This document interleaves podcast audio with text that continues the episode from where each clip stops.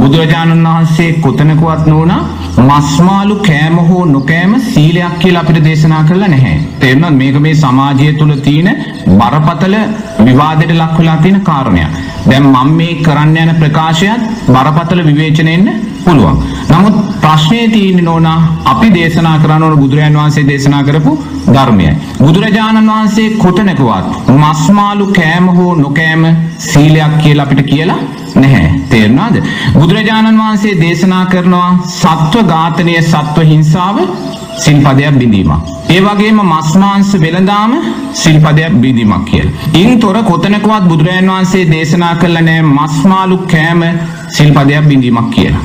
බුදුරජාණන් වහන්සේ නමක් මේ ලෝකෙට පහළ වෙන්නේ නෝනා හුදු පින ගැන කියන්න නෙමේ. ඒක හොඳට තේරුම් ගන්න ඕනේ. පින ගැන කියන්න ක්‍රිස්තුස් වහන්සේ ඉන්නවා, අල්ලාතුමා ඉන්නවා, ඒගොල්ලෝ පින ගැන කියනවා. බුදුරජාණන් වහන්සේ නමක් පහළ වෙන්නේ නෝනා මේ හුදු පින කියන කාරණේ ඉක්මෝලා. මේ පින කියන්නේ සංස්කාරයක්. මේ සංස්කාරයන්ගේ ස්වභාවය අනිත්‍යයි කියලා දැකලා විදර්ශනා නුවණ කියන තැනයි අපිට සකස් කරලා දෙන්න. විදර්ශනා නුවණ තැන සකස් කරන්න. ඒ නිසා බුදුරජාණන් වහන්සේ අපිට දේශනා කරන්නේ නෝනා ඔබ කැමතිනම් මස්මාළු කන්න. කැමතිනම් මස්මාළු නොකන්න. තේරෙනවද? මස්මාළු කෑම හෝ නොකෑම සිල්පදයක් රැකීමක් හෝ බිඳීමක් වෙන්නේ නැහැ. ඔබ කැමතිනම් ස්වාමින් වහන්සේලාට මස්මාළු පූජා කරන්න. ඔබ අකමැතිනම් ස්වාමින් වහන්සේලාට මස්මාළු පූජා කරන්න එපා. නමුත් කිසිම ස්වාමින් වහන්සේ කෙනෙකුට මට මස්මාළු අවශ්‍යයි කියලා කටින් ඉල්ලන්න පුළුවන්කම නැහැ. එහෙම කරනවා නම් ඒක උන්වහන්සේගේ තියෙන දුර්වලතාවය. තේරෙනවද? ඒ නිසා බුදුරජාණන් වහන්සේ එතෙන්දි දේශනා කරන්නේ කැමතිනම් කන්න අකමැතිනම් නොකයින්. දැන් මටත් ගිහි ජීවිතයක් තිබ්බා. මම පැවිදි වෙන්න ඉස්සෙල්ලා අවුරුදු 5ක් පුරාවට මම මස් මාළු කෑවේ නෑ නෝනා. මට කුකුල් මස් කෑල්ලක් කනකොට එකපාරට කුකුලෙක් පේනවා. මට මාළු කෑල්ලක් කනකොට එකපාරට මාළුවෙක් මැවිලා පේනවා. ඒ නිසා මං ගිහි ජීවිතය තුළදී අවසාන පැවිදි වෙන්න ඉස්සෙල්ලා තිබ්බේ අවුරුදු 5 මම මස් මාළු කෑවේ නැහැ. නමුත් පැවිදි වුණාට පස්සේ මේ ධර්ම මාර්ගය තුල යනකදී කල්යාණ මිත්‍රාශ්‍රය සද්ධර්ම ශ්‍රවණයේ නුවණින් මෙනෙහි කරද්දී මම දැනගත්තා මම හිතියේ දෘෂ්ටිය තොලයි කියලා. දැන් මේ මෙහෙතනදී නෝනා ඔබ හිතන්නේ මම මෙතන දානේ වළඳනවා. දැන් දානේ වළඳනකොට මගේ පාත්‍රයේ මාළු කෑල්ලක් තියෙනවා. මාළු කූරියෙක් ඉන්නවා. තේරෙනවද? එතකොට ඔබ නිර්මාංශ කෙනෙක්. ඔබ කියනවා හාමුදුරනේ ඔබ වහන්සේ කරන්නේ මේ වරදක්නේ. ඔබ වහන්සේ මේ මාළුවෙක් වළඳනවා. දැන් ඔබ මගේ පාත්‍රයේ තියෙන මාළු කූරියා දැකලායි මට මේ චෝදනාව කළේ. මං කියනවා නෑ නෝනා මෙතන මැරිච්ච සතෙක් නැහැ. මේ මාළුවා මේ වෙලාවේ දෙවියෙක් වෙලා ඉපදිලා ඉන්න පුළුවන්. මේ මාළුවා මේ වෙලාවේ මිනිස්සෙක් වෙලා ඉපදිලා ඉන්න පුළුවන්.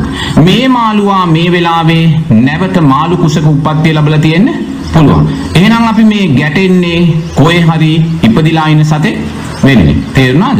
දැන් මේ මාළුවා කොහේ හරි ඉපදිලා ඉන්නේ. එහෙනම් අපි මේ රණ්ඩු වෙන්නේ මේ ගැටෙන්නේ මේ අකුසල් කරගන්නේ කොහේ හරි ඉපදිලා ඉන්න සතෙක් වෙනුවෙන්. එතකොට නෝනහනව නෑ හාමුදුරනේ මෙතන දැලකට පැටලිලා මරපු මාළුවෙක් ඉන්නවනේ කියලා. ඔව් මෙතන මාළුවෙක් ඉන්නවා දැලකට පැටලිලා මරපු. ඒ මාළුවා දැලට අහුනේ එයාගේ සංස්කාර නිසා. එයා මැරෙන්න තිබ්බ නිසායි එයා දැලට අහුනේ. එයා දැලට අහුනේ නැත්නම් ලොකු මාළුවෙක් එයාව ගිලලා මරලා දාන්න පුළුවන්. එහෙම නැත්නම් වෙන සර්පෙක් හරි මුගෙක් හරි අනතුරක් වෙලා එයාට මැරිලා යන්න පුළුවන්. දැන් සමහර දරුවෝ ඉන්නවා නෝනා මව් කුසේදීම එයා මැරෙනවා. තේරුණාද? සමහර දරුවෝ ඉන්නවා ඉපදෙන්න යන වෙලාවේ මැරෙනවා. සමහර දරුවෝ ඉන්නවා ඉපදිලා අවුරුද්දෙන් දෙකෙන් පහෙන් 10න් 15න් 20න් මැරෙනවා. සමහර අය ඉන්නවා අවුරුදු 90ක් 95ක් 100ක් ජීවත් වෙනවා. ඇයි එහෙම වෙන්නේ? ඒ ඒගොල්ලන්ගේ සංස්කාර. මව් කුසේදීම මැරෙන්න ඉන්න දරුවා ඊට අදාළ අකුසල් සංස්කාරයන් නිසා මව් කුසේදීම මැරෙනවා. අවුරුද්දක් ගිහිල්ලා මැරෙන දරුවා එයාගේ අකුසල් විපාකේ නිසා අවුරුද්දක් ගිහිල්ලා මැරෙනවා. ඒ වගේ නෝනා මාළුවා ඒ වෙලාවේ දැලට පැටළුනේ ඇයි? එයාගේ අකුසල් සංස්කාරය නිසා එයා මැරෙන්න තිබ්බා. මුහුදේ නැද්ද අවුරුදු 25ක් ජීවත් වෙන මාළු? මුහුදේ නැද්ද අවුරුදු 50ක් 100ක් ජීවත් වෙන මාළු? මං වගේ 10 ගුණයක් 15 ගුණයක් විශාල මාළු නැද්ද? ඇයි ඒගොල්ලන්ගේ දීර්ඝායුෂ. ඒගොල්ලන්ගේ දීර්ඝායුෂ. ඒ ආයුෂයන් හීන සතා අකුසල් විපාකයේ පිණිස සකස් වෙන සතා දැලට අහු වෙලා මැරිලා යනවා නෝන. ඒක හේතුඵල ධර්මයක්. ඒ හේතුඵල ධර්මය අපිට මේ ලෝකේ වළක්වන්න බැහැ. ස්වාමින් වහන්සේ මාළුවා අල්ලන කෙනාට සිදුවන්නේ පාපයක් නේද? මාළුවා අල්ලන කෙනාට අනිවාර්යෙන් ප්‍රාණඝාත අකුසලයේ සිද්ධ වෙනවා. ඒ නිසා නෝනා මෙතනදී බුදුරජාණන් වහන්සේ උත්සාහ ගන්නේ හුදු පින කියන තැන නවතින්න නෙමෙයි. දැන් කෙනෙක් හිතනවා නම් මස් මාළු නොකෑම තුල මං සතෙක් මරන්න තියෙන අයිතිය නැති කරලා දානවා කියලා ඒ සතාට අබේ දෙනවා කියලා එතන යාට පින සිටුවිල්ලක් සකස් වෙනවා. තේරෙනවද? එතන පිනක් සකස් වෙනවා. කිසිම ප්‍රශ්නයක් නැහැ. කෙනෙක් හිතනවා මම මස් මාළු කන්නේ. ඇයි මම මස් මාළු නොකන්නේ? මම කෑවොත් මිනිස්සු මස් මාළු මාළු මරනවා. නැත්නම් සත්තු මරනවා. ඒ නිසා මම කන්නේ කියන තැන පින සිතක් එහාට තියෙනවා. නමුත් ඒ පින් සිතට වඩා එයා තුළ බලවත් වූ මෝහයක් වැඩෙනවා. අපිට මේ ධර්මය තුළින් බුදුරජාණන් වහන්සේගේ ධර්මය තුළින් අපි මතු කරගන්න ඕනේ පින කියන කාරණය නෙමේ. පින කියන කාරණය අත්‍යවශ්‍යයි. නමුත් මේ පිනත් සංස්කාරයක් සංස්කාරයන්ගේත් අනිත්‍යභාවය දැකලා විදර්ශනා නුවණයි අපි ඇති කරගන්න ඕන ඕන. සිරිසන් සතෙක් තිරිසන් සතෙක් වෙලා ඉපදෙන්නේ ඕනා එයාගේ අකුසල් සංස්කාරයක් නිසා. කුකුල්ලු මරණ කෙනා දවසට කුකුල්ලු 500ක් 1000ක් මරනවා. සාමාන්‍ය කඩේක කුකුල්ලු මරණ කෙනා කුකුල්ලු 100ක් 200ක් මරනවා. ඈ හරක් මරණ කෙනා දවසට හරක් 5 දෙනා 10 දෙනා මරනවා. ඌරු මරණ කෙනා දෙතුන් දෙනෙක් මරනවා. සත්තු මරණ මිනිස්සු මැරිලා නැවත දෙවියෙක් වෙයිද? නැහැ. නැවත මිනිස්සෙක් වෙයිද? නැහැ. ඒ කුකුල්ලු මරණ කෙනා මැරිලා කුකුලෙක් වෙලාමයි ඉපදෙන්නේ. ඌරු මරණ කෙනා මැරිලා ඌරෙක් වෙලාමයි ඉපදෙන්නේ. හරක් මැරෙන කෙනා මැරිලා හරකෙක් වෙලාමයි ඉපදෙන්නේ. දැන් ඔබ හිතන්න නිරේතුරුවම මාළු මරලා ජීවත් වෙන කෙනෙක් ඉන්නවා කියලා. එයා මැරෙන වෙලාවට නෝනා එයාට බලන බලලාතේ පේන්නේ මාළු. තේරුණා දැන් හරක් මරණ කෙනෙක් හිතන්න. ඒ හරක් මරණ කෙනා මැරෙන වෙලාවේ එයාට දකින දකින අතේ පේන්නේ අර මල ලතෝනි දෙන බෙල්ල කපාගෙන පණ දඟලන හරක් තමයි යාට පේන්නේ. ඌරු මරණ මිනිස්සයාට මැරෙන වෙලාවේ පේන්නේ අර පිහිපාරවල් කාගෙන දඟලගෙන කෑ ගහන ලතෝනි දෙන ඌරු තමයි යාට පේන්නේ. ඇයි එහෙම පේන්නේ? එයාත් නැවත ඌරු කුසක හරක් කුසක විතරේක ප්‍රතිසන්දිය ලබන එතකොට දැන් බිත්තරේක ප්‍රතිසන්දිය ලැබිලා කුකුලෙක් වුණාට පස්සේ එයාව මරණයෙන් බේරන්න අපිට පුළුවන්ද? ඈ එහෙනම් මේ කුකුලෙක් කියන්නේ හරකෙක් කියන්නේ ඌරෙක් කියන්නේ එළුවෙක් කියන්නේ කවුද? පෙර සත්ව ඝාතකෙක්මයි. එතකොට මේ පෙර සත්ව ඝාතකයා සත්ව ඝාතනය නිසා එතෙන්ට වැටුණාට පස්සේ අපි යාව බේරගන්න යන්න පුළුවන්ද? ඒක අපිට කරන්න බෑ. දැන් කුකුල් කඩේ කුකුලෙක් ඉන්නවා දැන් මරන්න යන්නේ.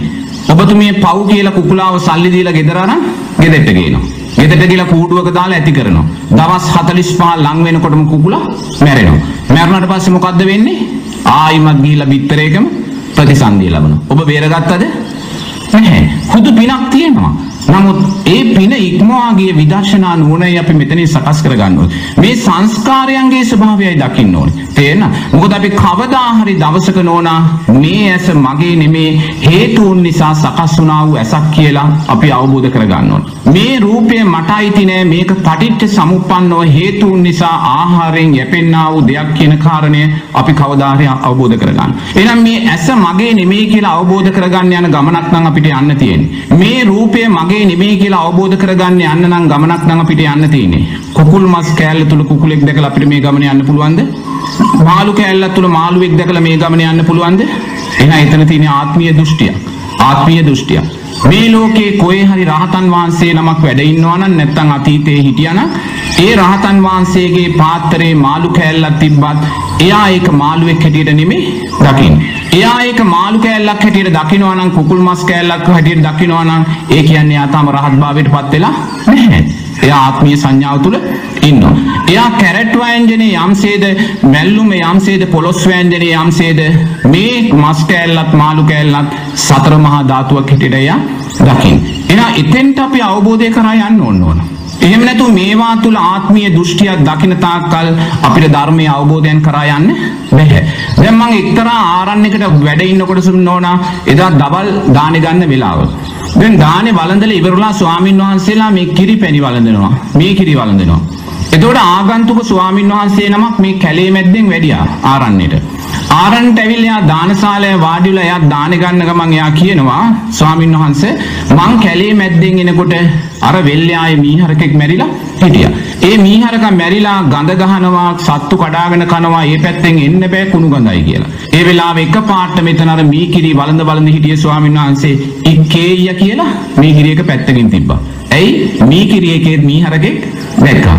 ඒක තමයි ආත්මීය දෘෂ්ටිය කියන්නේ. තේරෙනවද? මීකිරි එකේ මීහරකෙක් දැක්කා. ඉතින් ඔය දෘෂ්ටිය තියෙන තාක්කල් නෝනා මේ සක්කාය දිට්ඨිය කියන කාරණේ අපෙන් සිඳෙන්නේ නැහැ. ඒ නිසා හේතුඵල ධර්මයන් අනුව අපි මේ ධර්මය ගලප ගන්න ඕනේ. ඒ නිසා කැමතිනම් මස් මාළු කන්න. කිසි ප්‍රශ්නයක් නැහැ. මං කාටවත් කියන්නේ මස් මාළු කන්න එපා කියලා කියන්නෙත් නැහැ. කන්න කියලා කියන්නේ. මේ නමුත් අපි දක්ෂ වෙන්න ඕනේ තාම අපි කුකුලෙක් වෙන තැනින් හරකෙක් වෙන තැනින් ඌරෙක් වෙන තැනින් එළුවෙක් වෙන තැනින් විදිලා නැහැ. අපි තාම සතර අපායෙන් මිදිලා නැත්තම් ඒ කියන්නේ තාම සිරිසන් සතෙක් වෙන තැනින් අපි තාම මිදිලා එහෙනම් අපිට තියෙන්නේ නෝනා තිරිසන් සතුන් ගලවා ගන්න යන එක නෙමෙයි. මුලින්ම අපි මෙතනින් ගැලවෙනවා කියන කාරණය. තේරුණාද? මොකද මේ අකුසල් වලට විපාක දෙන්න සුදුසු ආකාරයටයි ලෝකේ නිර්මාණය වෙන්නේ. තේරුණාද? මේ ලෝකේ මේ මොහොතේ වෙලා තියෙන සිද්ධියක් බැලුවත් එතන අසාධාරණයක් වෙලා නැහැ නෝනා. මිනිස්සයා සිල්පද බිඳින්න බිඳින්න බිඳින්න සිල්පද බිඳින අයගේ අකුසල් වලට විපාක දෙන සුදුසු ලෝකයක් තමයි මේ වෙන්නේ. ඉස්සර කුකුලෙක් නෝන අපි පුංචි කාලේ මාස 6ක් කූඩුවේ හිටියා.